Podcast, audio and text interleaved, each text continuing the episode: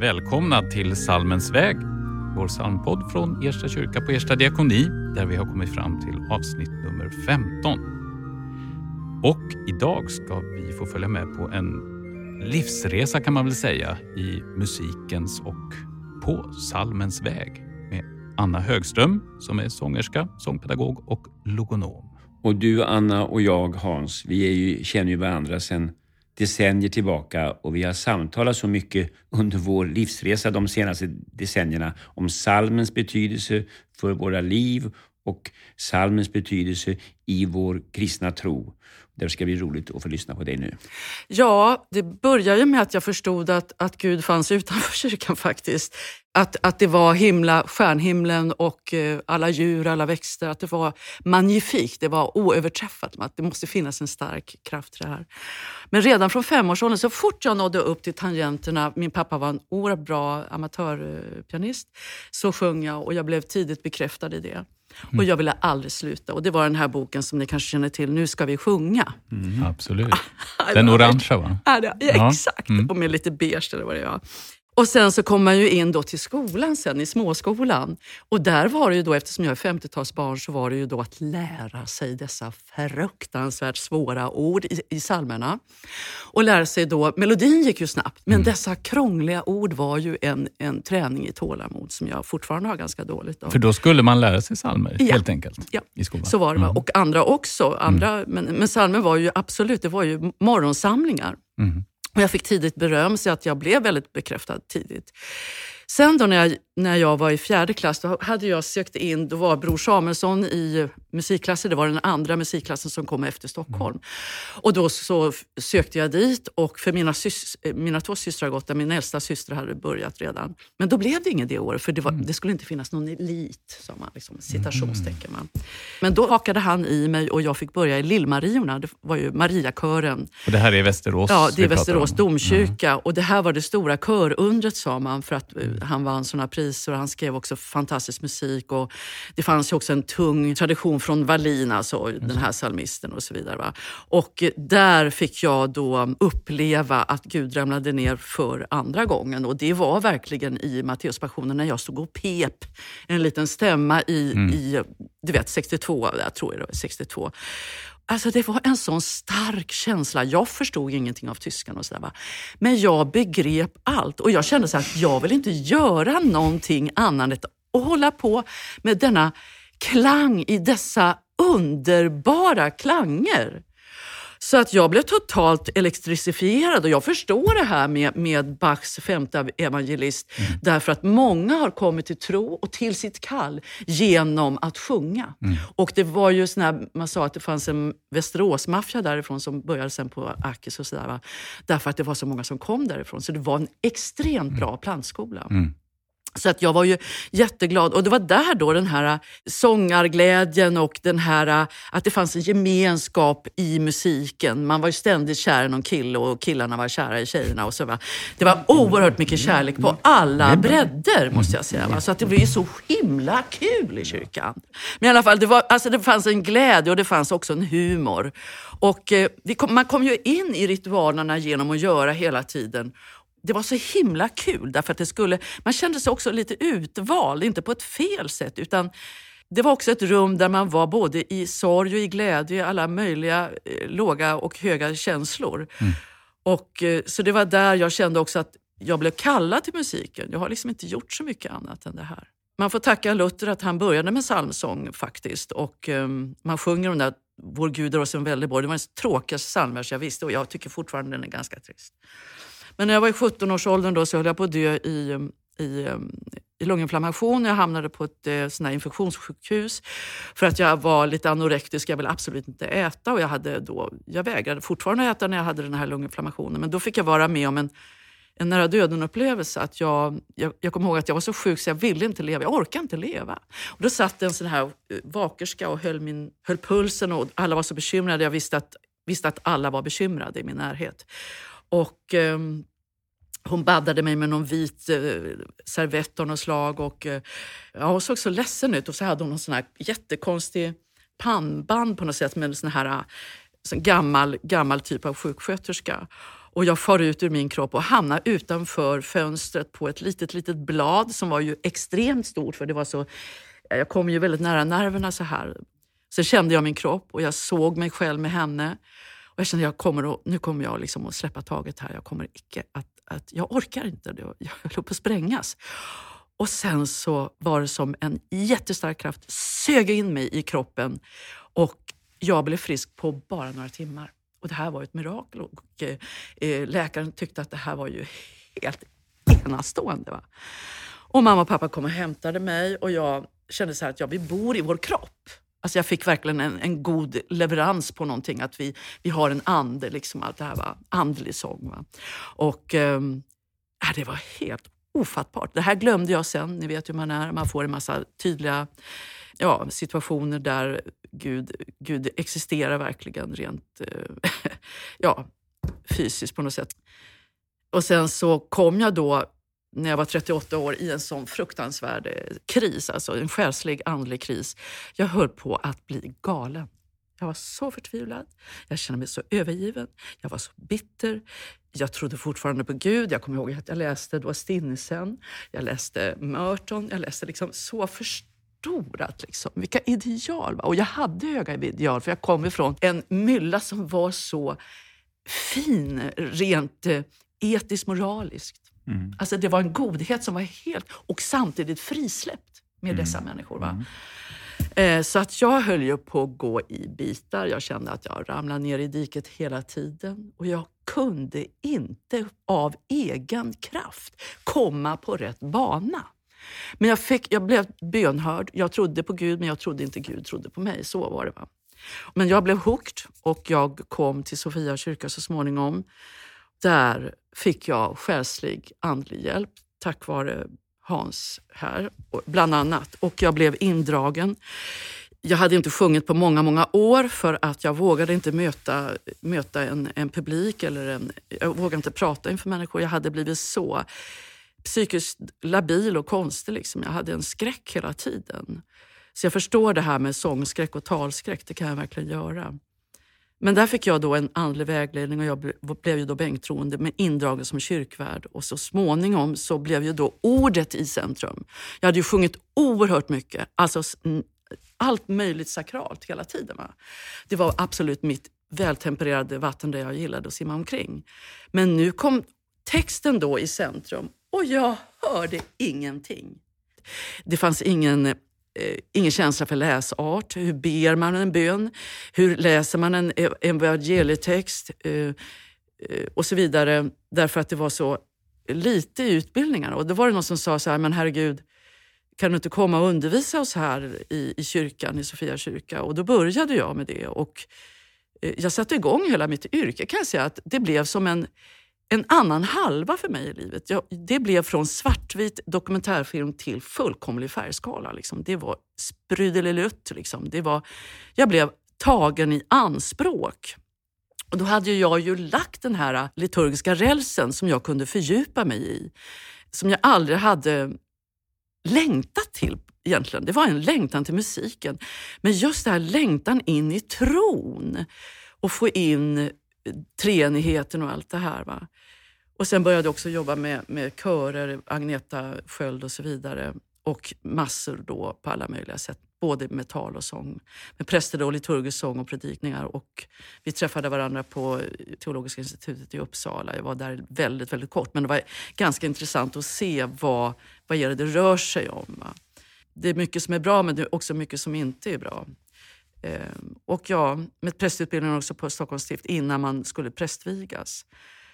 Herregud, man har ju sjungit så mycket psalmer så att det går ju inte att eh, komma ihåg dem ens. Och jag gillar det här med gamla och nya psalmer som vi har då under gudstjänsterna. Eh, och jag gillar ju väldigt mycket Dalakorallerna och frälsningspsalmerna som kom senare tycker jag. Jag kommer inte ihåg dem när jag var liten. I himmelen, i himmelen som då var 144.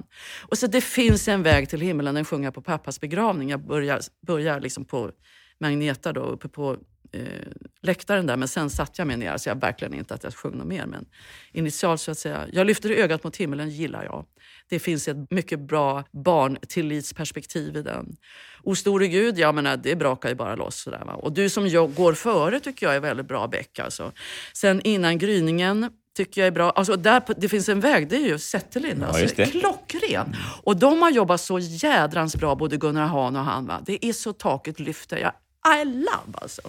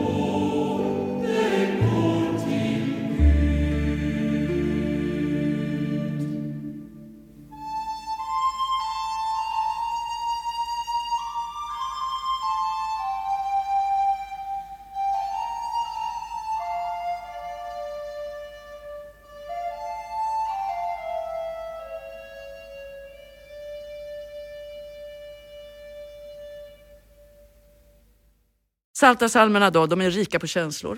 Oerhört starkt. Det är från alltså, gnäll, förtvivlan, förbannelse och liksom lovsång. Jag brukar använda det både i tal och i sång och jag tycker om en av mina favoriter faktiskt från jag var väldigt liten. Och det är då Sänd ditt ljus och din sanning. Och den tycker jag så mycket om att sjunga bara från en läktare ensam. Och han var så bra, bror, Putte kallar vi honom för, på att frasera dessa bågar som lyfte liksom, och den här eteriska, okroppsliga, svävande klangen som blev. Alltså man rös ju.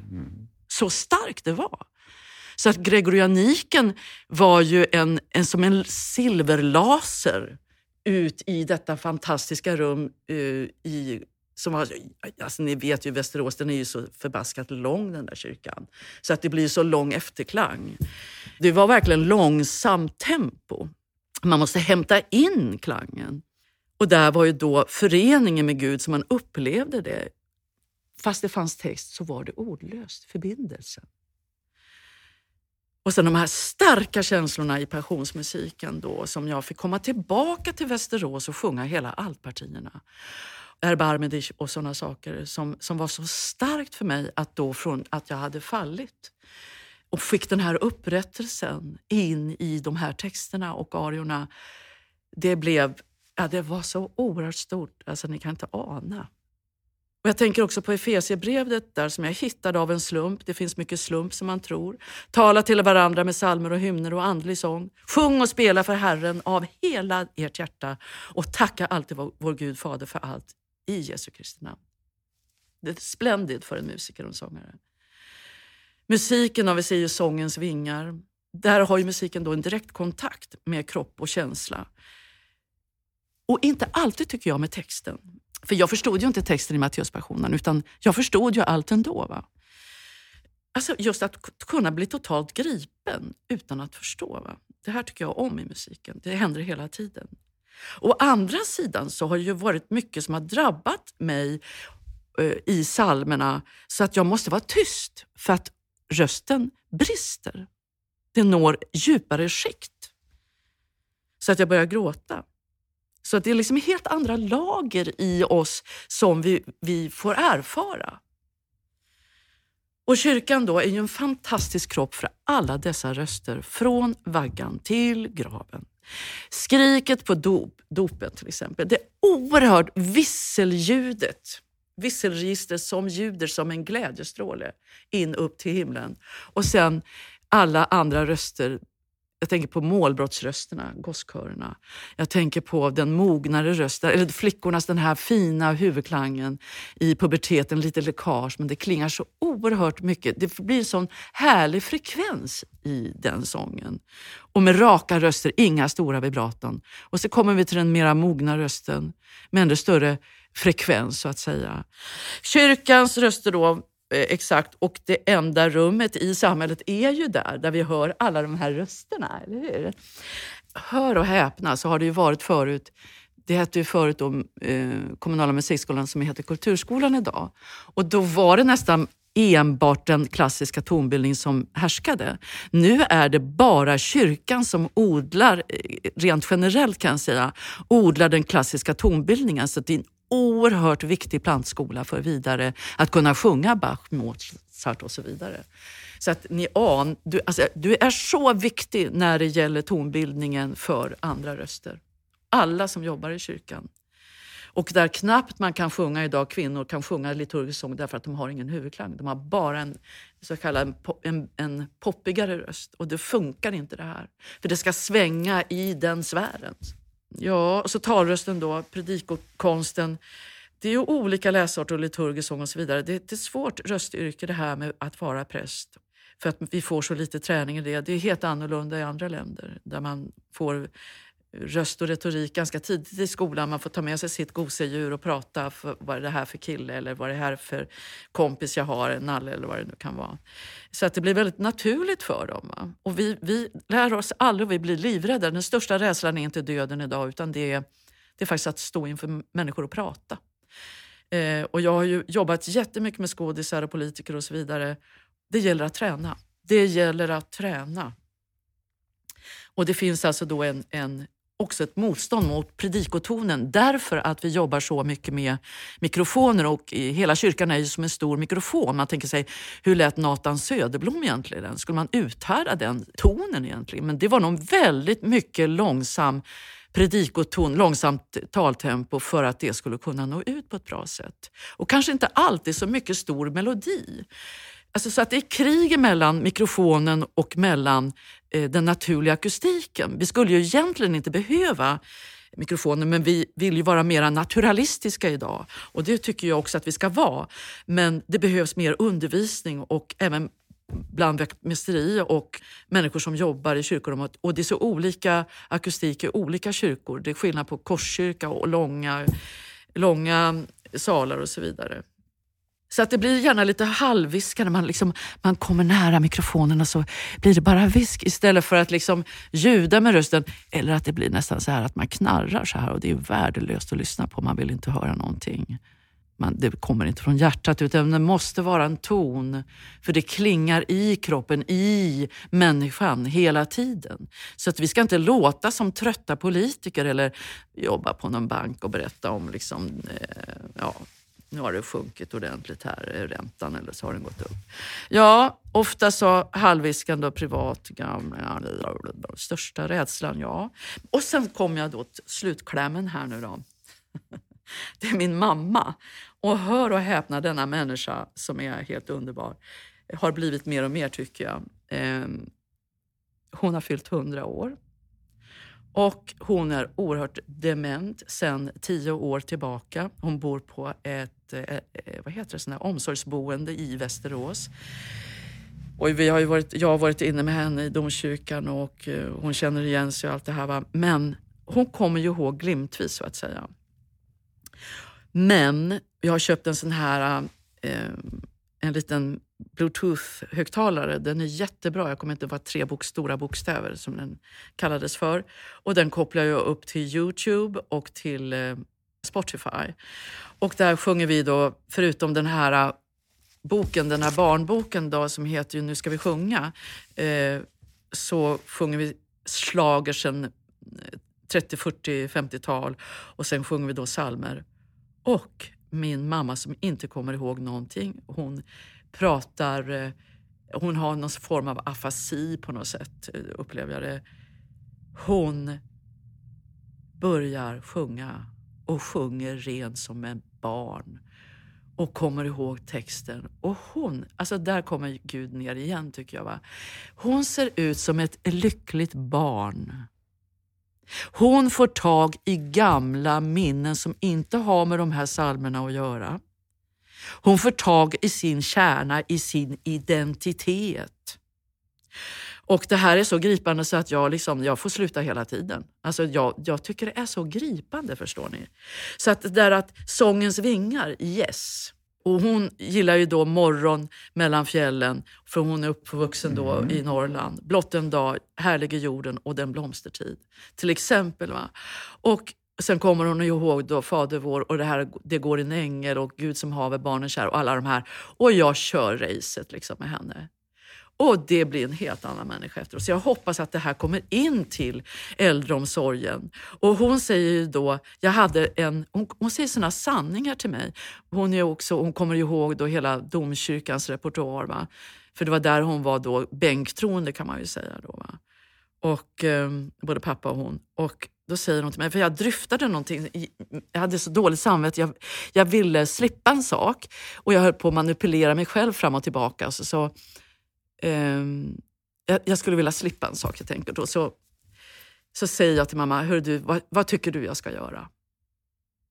Ja, jag tycker du ska göra Gud glad, sa hon bara. Och då löste hon hela problemet. Hela problemet. Och det kändes lätt för mig. Och sen så sa hon en sak när vi var ute och drog den här äh, rullstolen. Nu. Hon kan ju inte göra någonting, hon får hjälp med allt. Va? Jag är bunden, men ändå fri. Och det är musiken i sin kärna. Det finns en evighetsstämpel i musiken som vi kanske inte kan benämna, men vi finns där.